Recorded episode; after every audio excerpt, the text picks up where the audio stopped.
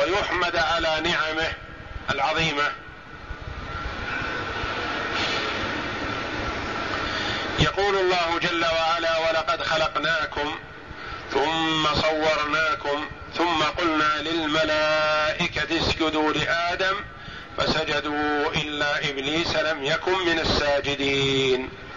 ولقد خلقناكم ثم صورناكم ثم قلنا للملائكة اسجدوا لآدم فسجدوا إلا إبليس لم يكن من الساجدين. ولقد خلقناكم ثم صورناكم. الخلق هنا قيل مرادا به آدم عليه السلام. خلقه الله جل وعلا من طين ثم صوره على شكله الذي أراد الله له وهو هذا الشكل ثم أمر الله جل وعلا الملائكة أن تسجد لآدم. المراد بقوله خلقناكم ثم صورناكم من المراد؟ آدم عليه السلام. قد يقول قائل آدم عليه السلام فرد. فلما قال الله جل وعلا ولقد خلقناكم ثم صورناكم ثم قلنا للملائكة اسجدوا لآدم. أتى به بلفظ الجمع. خلقناكم ثم صورناكم. ما الجواب على هذا؟ يقال الجواب أن آدم عليه السلام هو أبو البشر. وخلقه الله جل وعلا وصوره وذريته في صلبه. ذريته في صلبه. فالآية خطاب لمن؟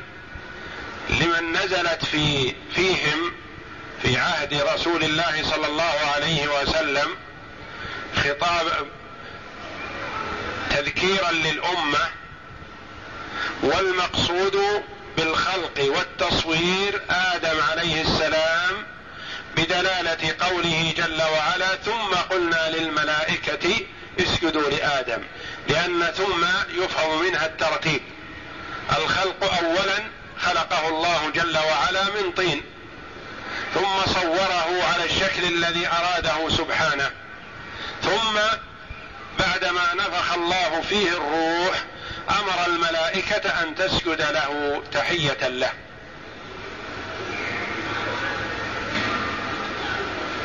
فالمقصود آدم عليه السلام والإتيان به بلفظ الجمع لأنه أبو البشر. والبشر خارجون من صلبه. والقول الآخر خلقناكم.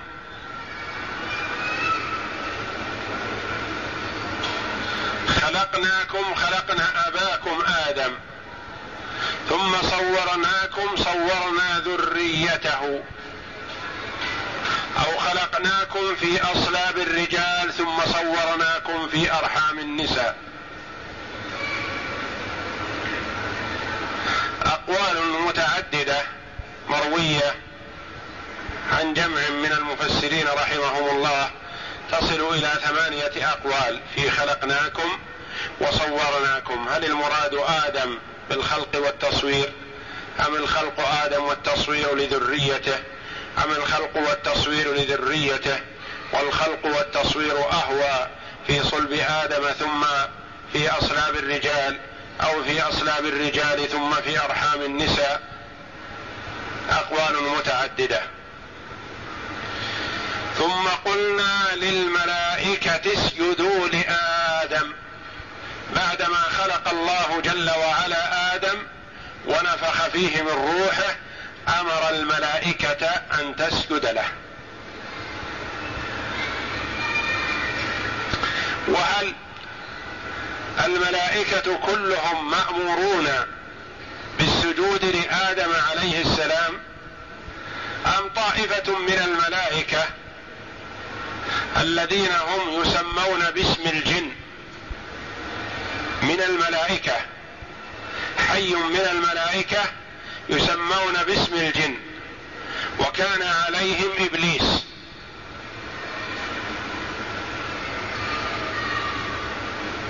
فأمروا بالسجود فسجدوا كلهم. إلا إبليس أبى.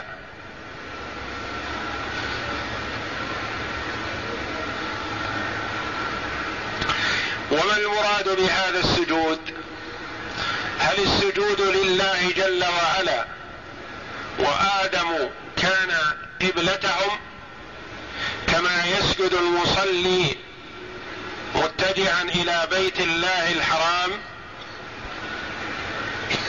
ساجدا لربه جل وعلا وقبلته الكعبة؟ فقيل المراد بالسجود لآدم أنهم سجدوا سجدوا لله جل وعلا وآدم في قبلتهم. تحية له. أو أنهم سجدوا لآدم بأمر الله جل وعلا. فالسجود لآدم عبادة لمن؟ لله جل وعلا.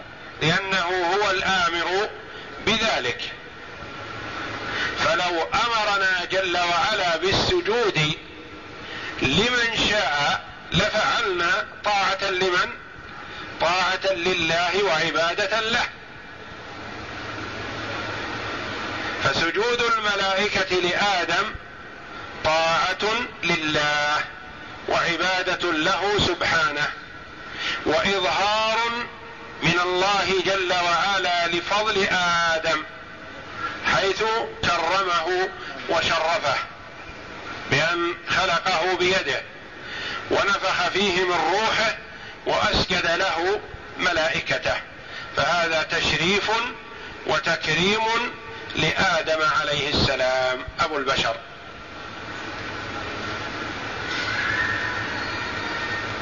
وإظهار لفضله أمام الملائكة.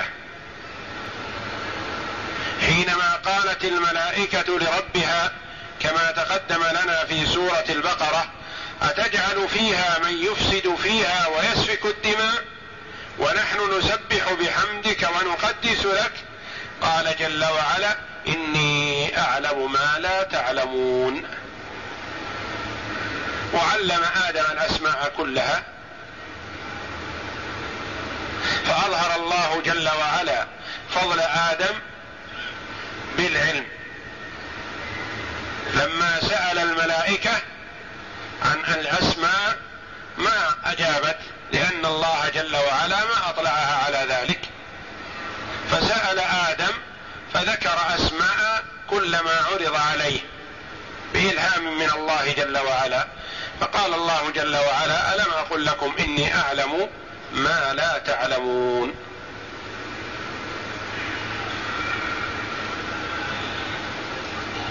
فأمر الله جل وعلا الملائكة أن تسجد لآدم عليه السلام تحية له. وطاعة وعبادة لله سبحانه. فالسجود نهانا عليه الصلاة والسلام أن نسجد لغير الله جل وعلا. وحينما قال له الصحابة رضوان الله عليهم إن الفرس والروم يسجدون لملوكهم. ألا نسجد لك وأنت أحق بذلك منهم؟ فقال عليه الصلاة والسلام لهم كلاما معناه أنه لا يجوز السجود إلا لله. ولو كنت آمرا أحدا أن يسجد لأحد لأمرت المرأة أن تسجد لزوجها لعظم حقه عليها. يقول لو كنت امرا لو أمرت احدا أن يسجد لأحد لأمرت المرأة أن تسجد لزوجها. والسجود في شريعتنا لا يجوز إلا لله جل وعلا. ويجوز أن يرد في بعض الشرائع إباحة السجود تحية سلاما من باب التقدير والاحترام كما قص الله جل وعلا علينا ذلك في سورة يوسف. حينما قال يوسف يا ابت إني رأيت أحد عشر كوكبا والشمس والقمر رأيتهم لي ساجدين ففهم يعقوب عليه السلام هذه الرؤيا وتأويلها بان بأنه هو وأمه أم يوسف وإخوته يسجدون له تحية له.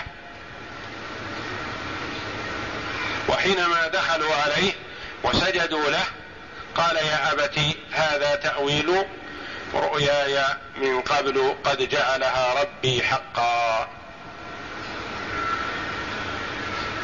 أما في شريعتنا الإسلامية فلا يجوز السجود إلا لله جل وعلا ومثله الركوع ويلحق بذلك الإنحناء الإنحناء بالظهر أو الانحناء والخضوع بالرقبة هذا لا يجوز. ويحرم على المسلم أن يفعله تحية. فبعض من يجهل الأمر إذا قابل كريما أو عزيزا عليه انحنى برأسه أو انحنى بصدره وهذا حرام ولا يجوز لأن هذا من الركوع والخضوع. والخضوع والركوع لا يجوز إلا لله جل وعلا. فإذا قابلت أخاك المسلم كبيرا كان أو صغيرا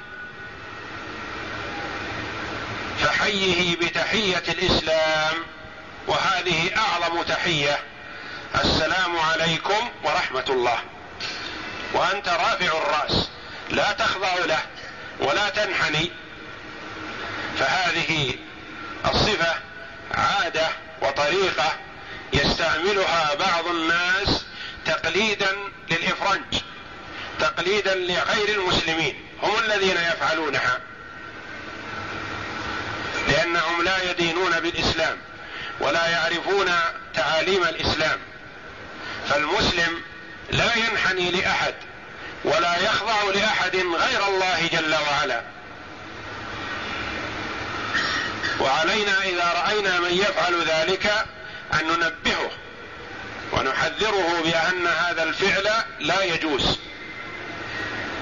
وإنما يسلم وهو رافع الرأس مستوي القامة.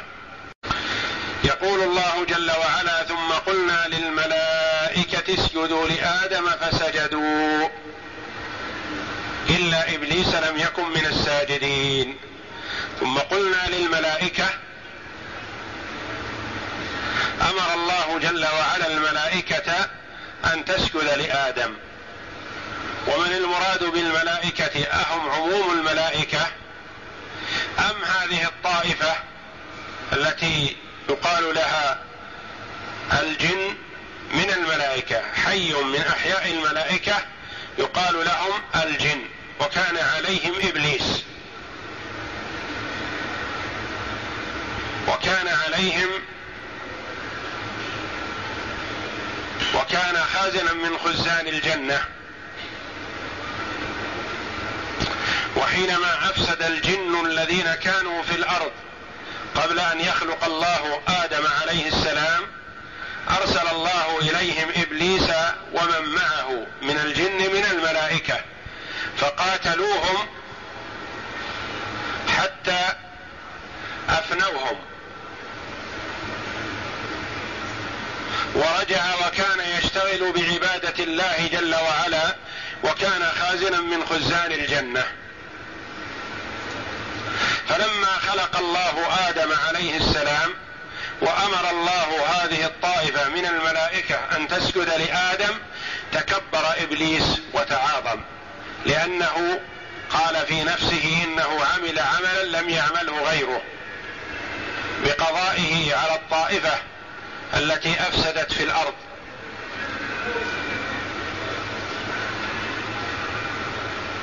فتعاظم في نفسه فحينما أمر الله هذه الطائفة من الملائكة أن تسجد لآدم سجدوا كلهم أجمعون. ولم يتخلف منهم إلا إبليس. أبى أن يسجد وامتنع.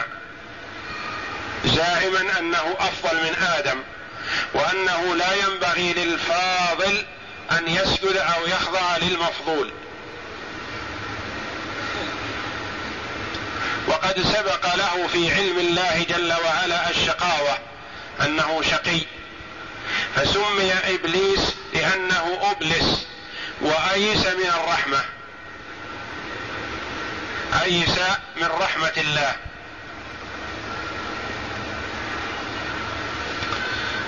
لم يكن من الساجدين لم يسجد لأمر الله جل وعلا له بالسجود لآدم فعصى أمر الله تكبرا وتعاظما. فأبدله الله جل وعلا بهذا الكبر وهذا التعاظم صغار وذلة. وهكذا كل من اتصف بصفة الكبر فإن الله جل وعلا وإن أمهله فإنه يلبسه الصغار والذلة في الدنيا ثم في الآخرة له عذاب عظيم. ويناله من الذلة والمهانة والاحتقار الشيء الكثير.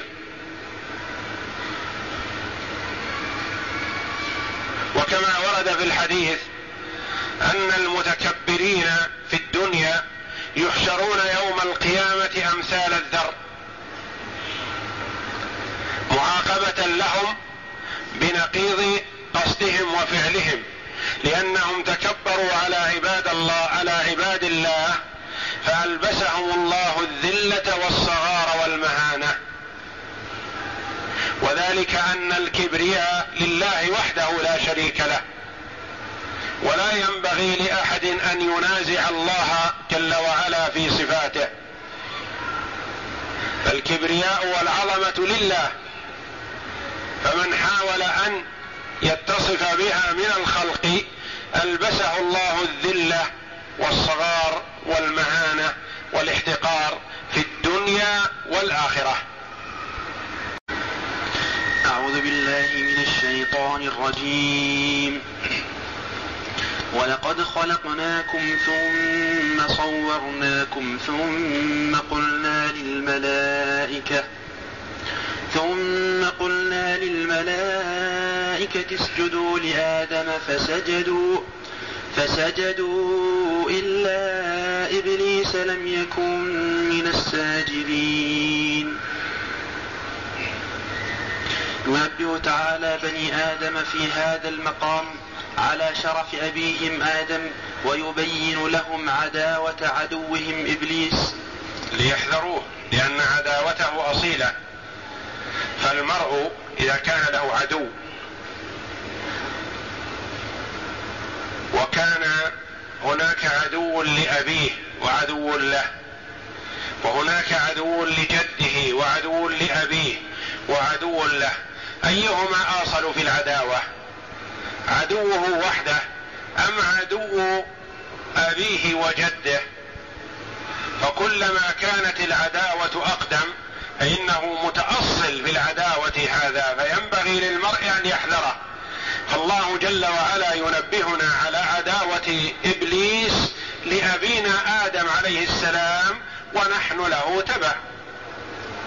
فهو عدو لآدم ولذريته من أولهم إلى آخرهم. وصارح بعداوته وأقسم بعزة الله بأنه يحرص على إغوائنا. وإضلالنا. فبين لنا ربنا جل وعلا ذلك لنحذره.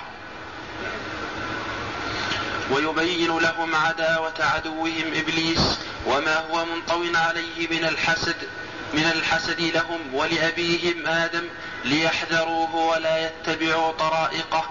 فقال تعالى ولقد خلقناكم ثم صورناكم ثم قلنا للملائكة اسجدوا لآدم فسجدوا وهذا كقوله تعالى وإذ قال ربك للملائكة إني إني خالق بشرا من صلصال من صلصال من حمأ مسنون فإذا سويته ونفخت فيه من روحي فإذا سويته ونفخت فيه من روحي فقعوا له ساجدين.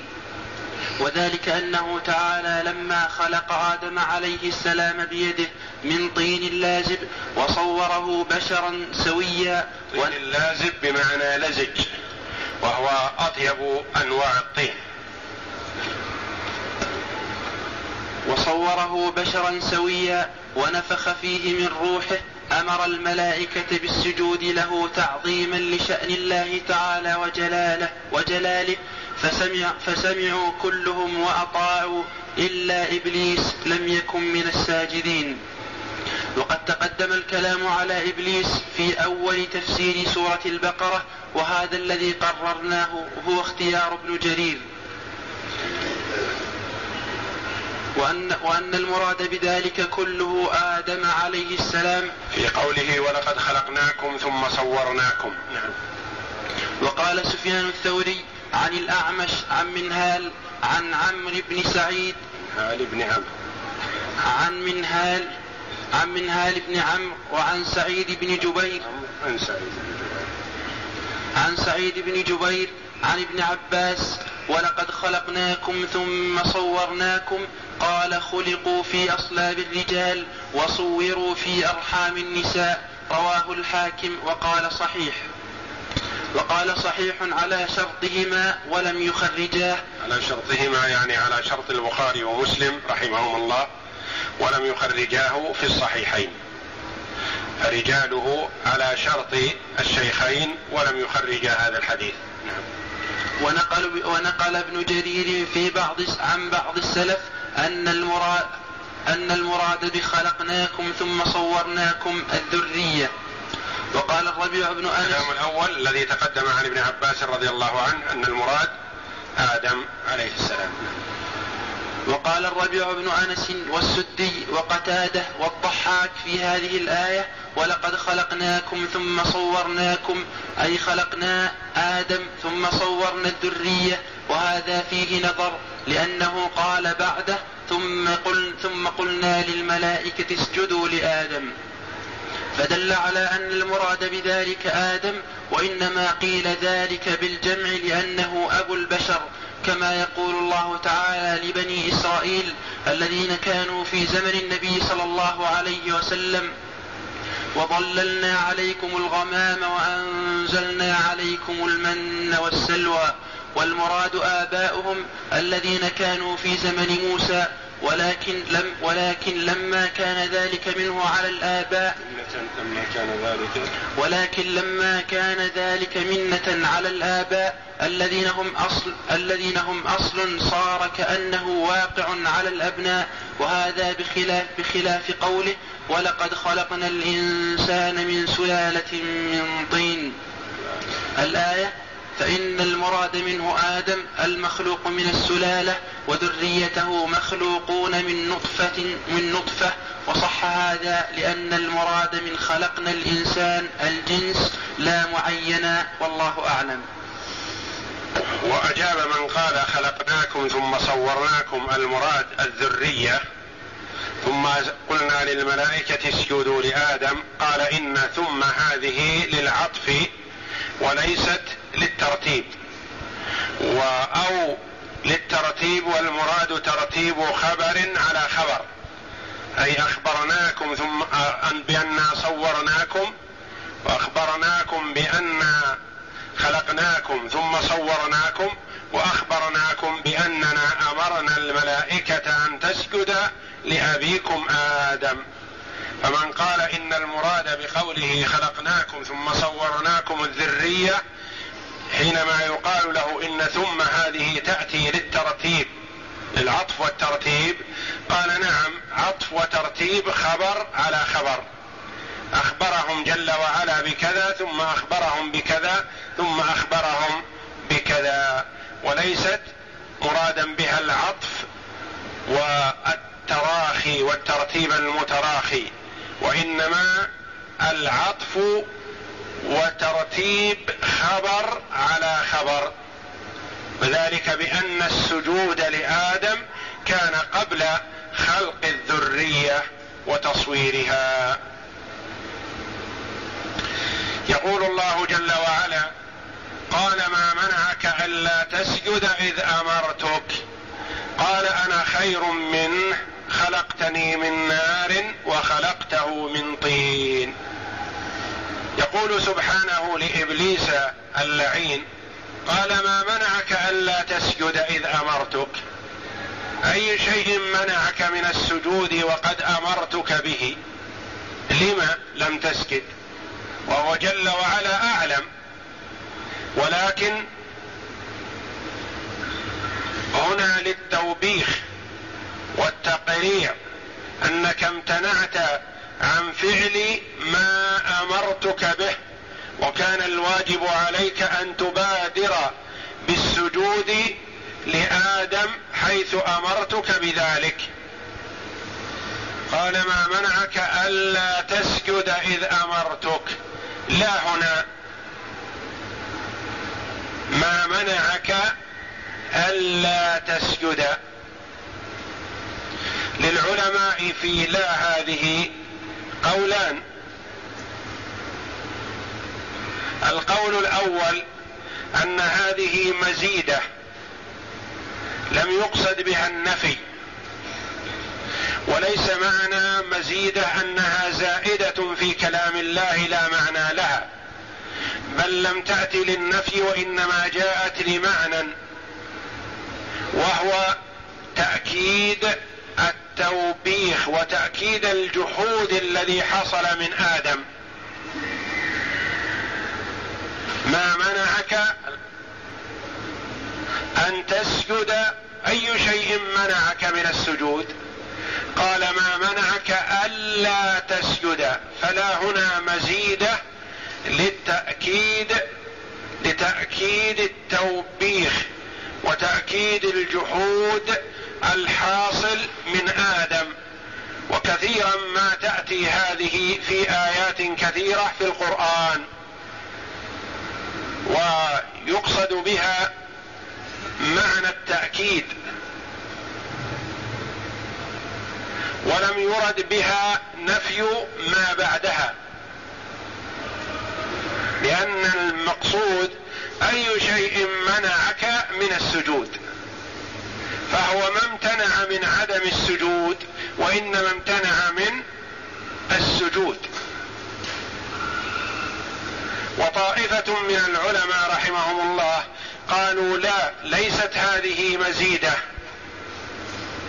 وقالوا لا يجوز لنا أن نقول بأن هناك حرف في القرآن مزيد. ولا يصح هذا اللفظ وهذا الإطلاق. وذلك أن لا دالة على معنى كلام محذوف. دل عليه السياق. ومنهم إمام المفسرين ابن جرير رحمه الله حيث قال إن لا هذه تدل على معنى وعلى كلام محذوف دل عليه السياق. والتقدير أي شيء عرض لك وأحرجك فجعلك لا تسجد لما خلقت بيدي. أي شيء أحرجك وألزمك ومنعك ألا تسجد. منعك فلا فلم تسجد لما خلقت بيدي. فما هو جوابه؟ جواب اللعين. الله جل وعلا أعلم بالشيء الذي في نفسه ومنعه من السجود وهو الكبر. فاجاب هو بقوله أنا خير منه. أنا خير من آدم.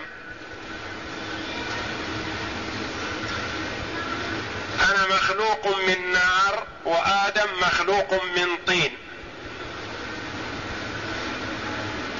ويظن في زعمه أن النار أفضل من الطين. فهو قاس قياسا فاسدا. وأرجع المسلم في التفضيل والتكريم. كما قال الله جل وعلا إن أكرمكم عند الله أفضلكم نسبا أطيبكم أكثركم مالا أكثركم ولدا. من كان من صميم العرب لا. كل هذا لا.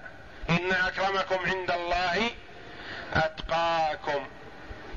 وقال جل وعلا في أبي لهب الذي هو عم الرسول صلى الله عليه وسلم وشقيق أبيه بمنزلة أبيه.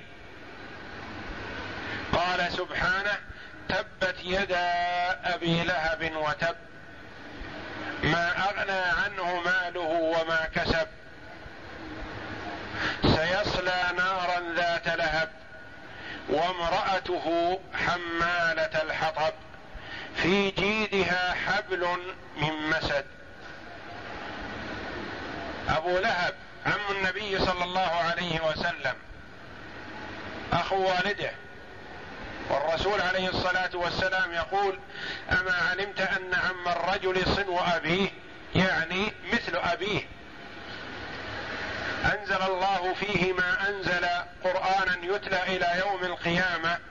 لما عصى أمر الله وأمر رسوله صلى الله عليه وسلم فلا وزن له ولا قيمة له عند الله وإن كان من صميم العرب ومن أعلى بيت في العرب وهو بيت الرسول صلى الله عليه وسلم ومنه هو عمه لكن لا قيمة له عند الله لما كفر بالله.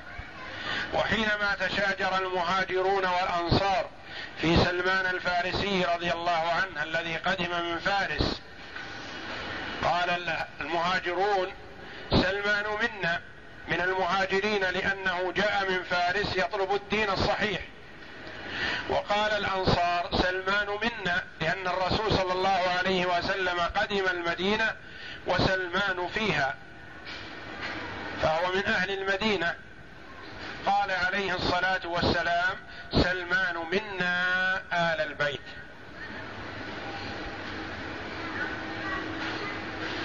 فالكرامه عند الله جل وعلا بالتقوى وامتثال أمر الله واجتناب نهيه واقتفاء سنة رسوله صلى الله عليه وسلم. لا بالأصالة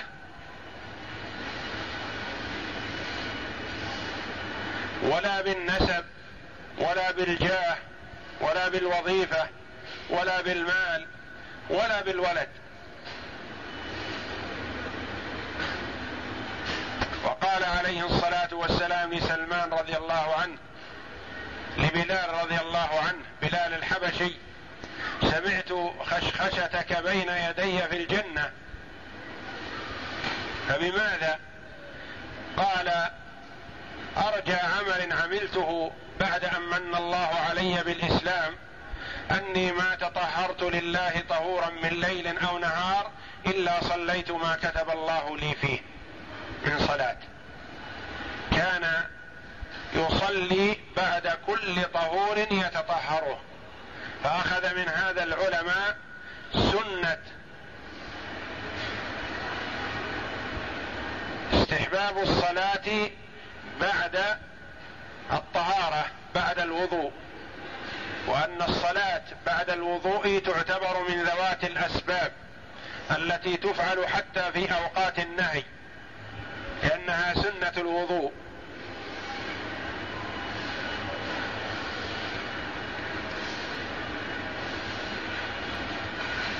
قال أنا خير منه خلقتني من نار وخلقته من طين.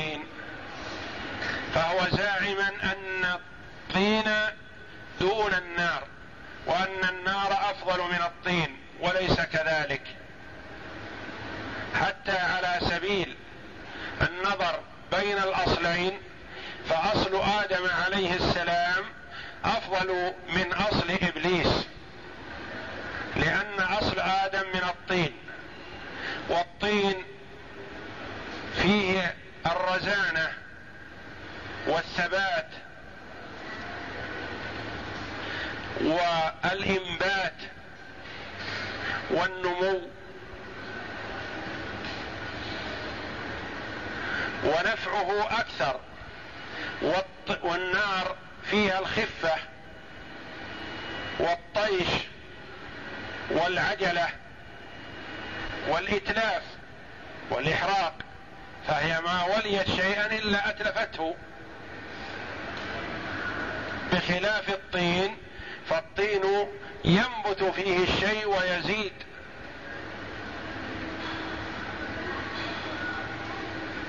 فحتى على سبيل النظر إلى الأصل فآدم عليه السلام أشرف أصلا من إبليس.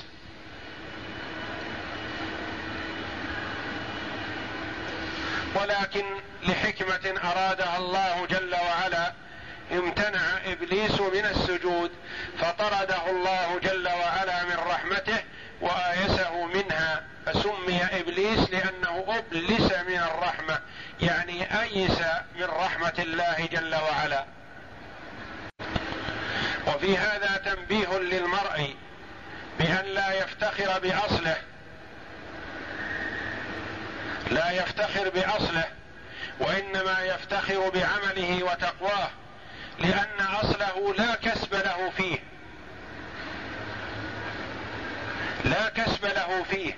هل المرء يستطيع أن يجعل نفسه من الأصل الفلاني أو من البيت الفلاني أو من ذرية فلان أو من بني فلان؟ لا يستطيع ذلك. سواء كان هذا البيت عاليا أو وضيعا ما يستطيع. وإنما يثاب المرء ويكرم وتكون منزلته وقيمته عند الله بكسبه بعمله. إن كان عمله طيب فقيمته عند الله عالية. وله منزلة رفيعة عند الله جل وعلا. وإن كان عمله والعياذ بالله فهو لا يزن عند الله جناح بعوضة. فالمرء بعمله وبصلاحه واستقامته ومحافظته على أمر الله جل وعلا وأكدها وأهمها الصلاة التي هي عمود الإسلام. وإذا أراد المرء أن ينظر ويرى في قدره عند الله فلينظر إلى قدر الصلاة عنده. فإن كانت الصلاة بالمنزلة العاليه الرفيعة عنده ويقدمها على أشغاله وعلى اهتماماته وعلى سائر أعماله فليعلم أن له قدر عند الله جل وعلا. وإن كانت الصلاة يؤديها حسب فراغه وبعد من ينتهي شغله ولا يبالي صلاها في جماعة أو صلاها منفرد. صلاها في المسجد أو صلاها في البيت. صلاها في وقتها أو أخرها عن وقتها. فليعلم أن قدره عند الله بمنزلة قدر الصلاة عنده.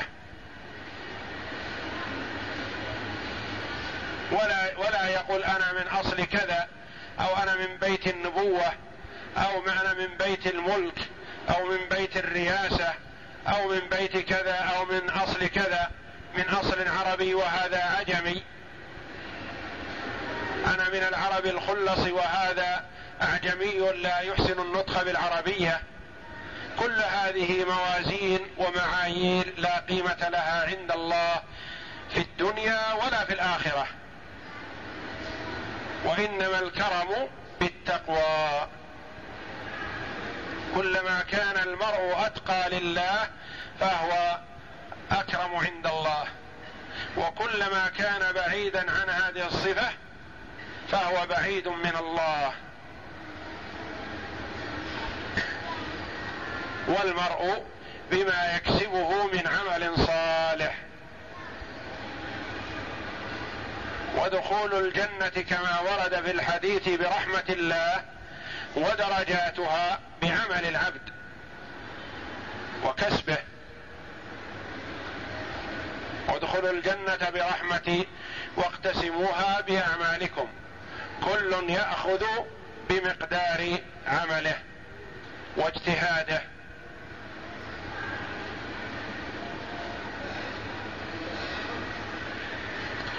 قال ما منعك ألا تسجد إذ أمرتك؟ قال أنا خير من يعني من آدم يقوله إبليس. أنا خير منه خلقتني من نار وخلقته من طين. فأرجع خيري خيريته وفضله على آدم بأصله. وما ذاك إلا لما قسم الله عليه كتب الله عليه من الشقاوة. فهو اغتر بنفسه وتعاظم فأبدله الله بذلك الذلة والمهانة والصغار في الدنيا والآخرة. أعوذ بالله من الشيطان الرجيم. قال ما منعك ألا تسجد إذ أمرتك؟ قال أنا خير منه خلقتني من نار وخلقته من طين. قال بعض النحاة في توجيه قوله تعالى ما منعك ألا تسجد إذ أمرتك؟ لا هنا زائدة. وقال بعضهم زيدت لتأكيد الجحد. كقول الشاعر ما إن رأيت ولا سمعت بمثله. فأدخل إن وهي للنفي على ما النافية لت لت لت لتأكيد النفي. قالوا قالوا وكذا هنا ما منعك ألا تسجد. مع تقدم قوله لم يكن من الساجدين. حكاهما ابن جرير وردهما واختار أن منعك مضمن معنى فعل آخر تقد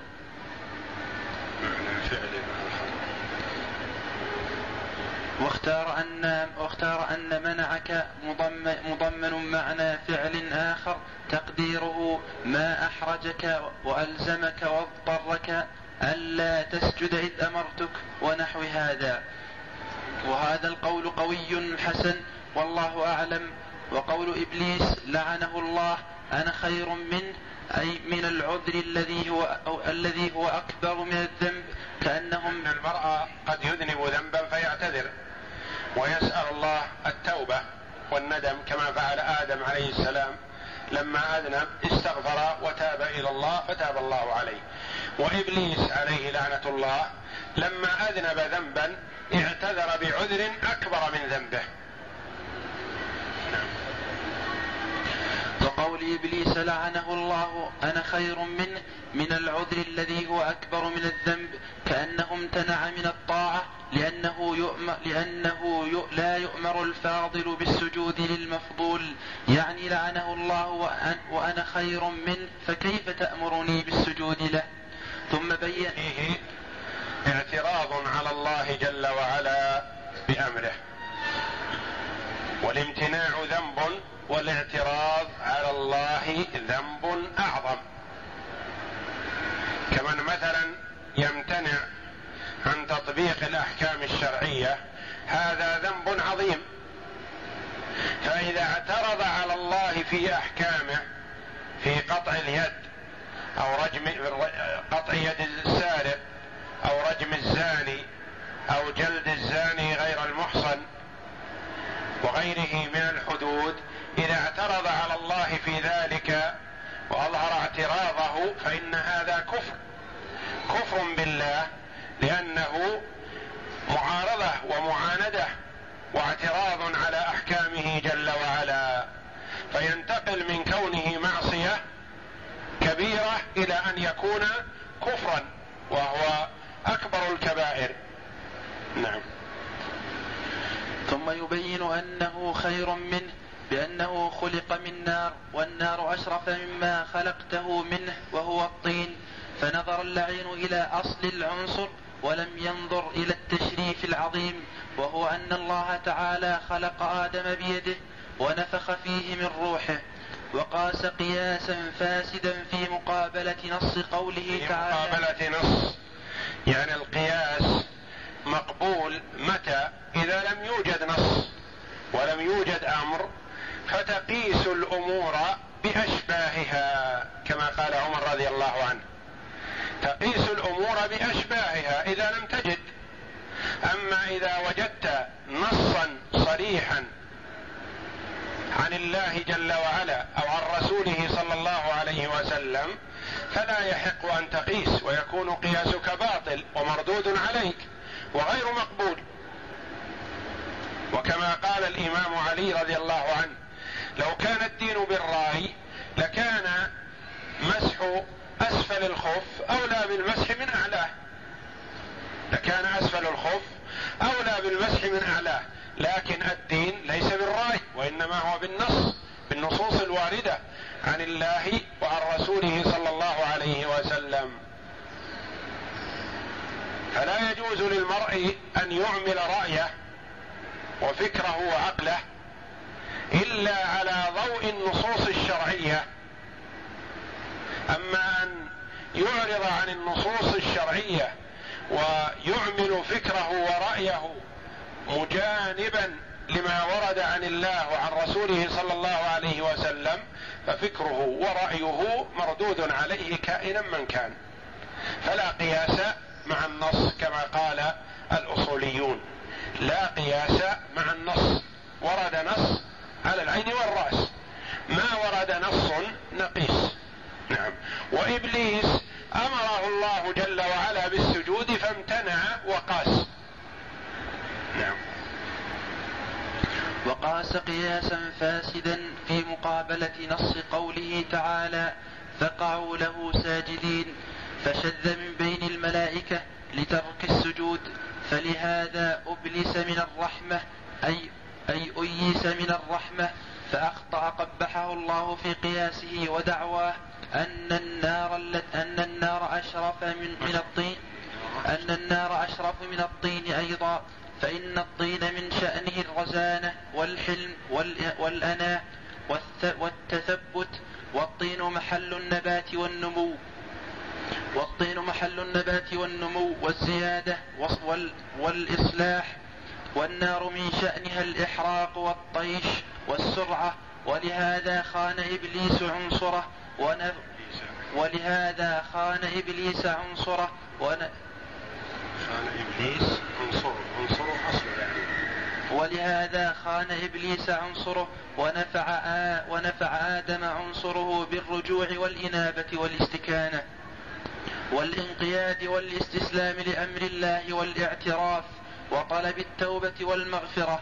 وفي صحيح مسلم عن عائشة رضي الله عنها قالت قال رسول الله صلى الله عليه وسلم خلقت الملائكة من نور وخلق إبليس من مارج من نار وخلق آدم مما وصف لكم.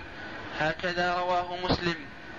وقال ابن مرداوي وقال ابن مرداوي حدثنا عبد الله بن جعفر قال حدثنا إسماعيل بن عبد الله بن مسعود قال حدثنا نعيم بن حماد قال حدثنا عبد الرزاق وخلق عن عن عمرو عن معمر عن الزهري عن عروة عن عائشة قالت قال رسول الله صلى الله عليه وسلم خلق الله الملائكة من نور العرش وخلق الجان من مارج من نار وخلق آدم مما وصف لكم. قلت لنعيم بن حماد قلت قلت لنعيم بن حماد أين سمعت هذا من عبد الرزاق؟ قال باليمن. وفي بعض ألفاظ هذا الحديث في غير الصحيح وخلقت الحور العين من الزعفران. وقال ابن جرير حدثنا, حدثنا القاسم قال حدثنا الحسين. قال حدثنا محمد بن كثير عن ابن شو عن ابن شوي عن ابن شذيب عن ابن شوذب عن مطر الوراق عن الحسن في قوله خلقتني من نار وخلقته من طين. قال قاس, قاس إبليس وهو أول من قاس إسناده صحيح. وقال حدثني عمرو بن مالك قال حدثني يحيى بن سليم الطائي عن هشام عن ابن سيرين قال أول من قاس أول من قاس إبليس وما عبدت الشمس والقمر إلا بالمقاييس إسناده صحيح أيضا.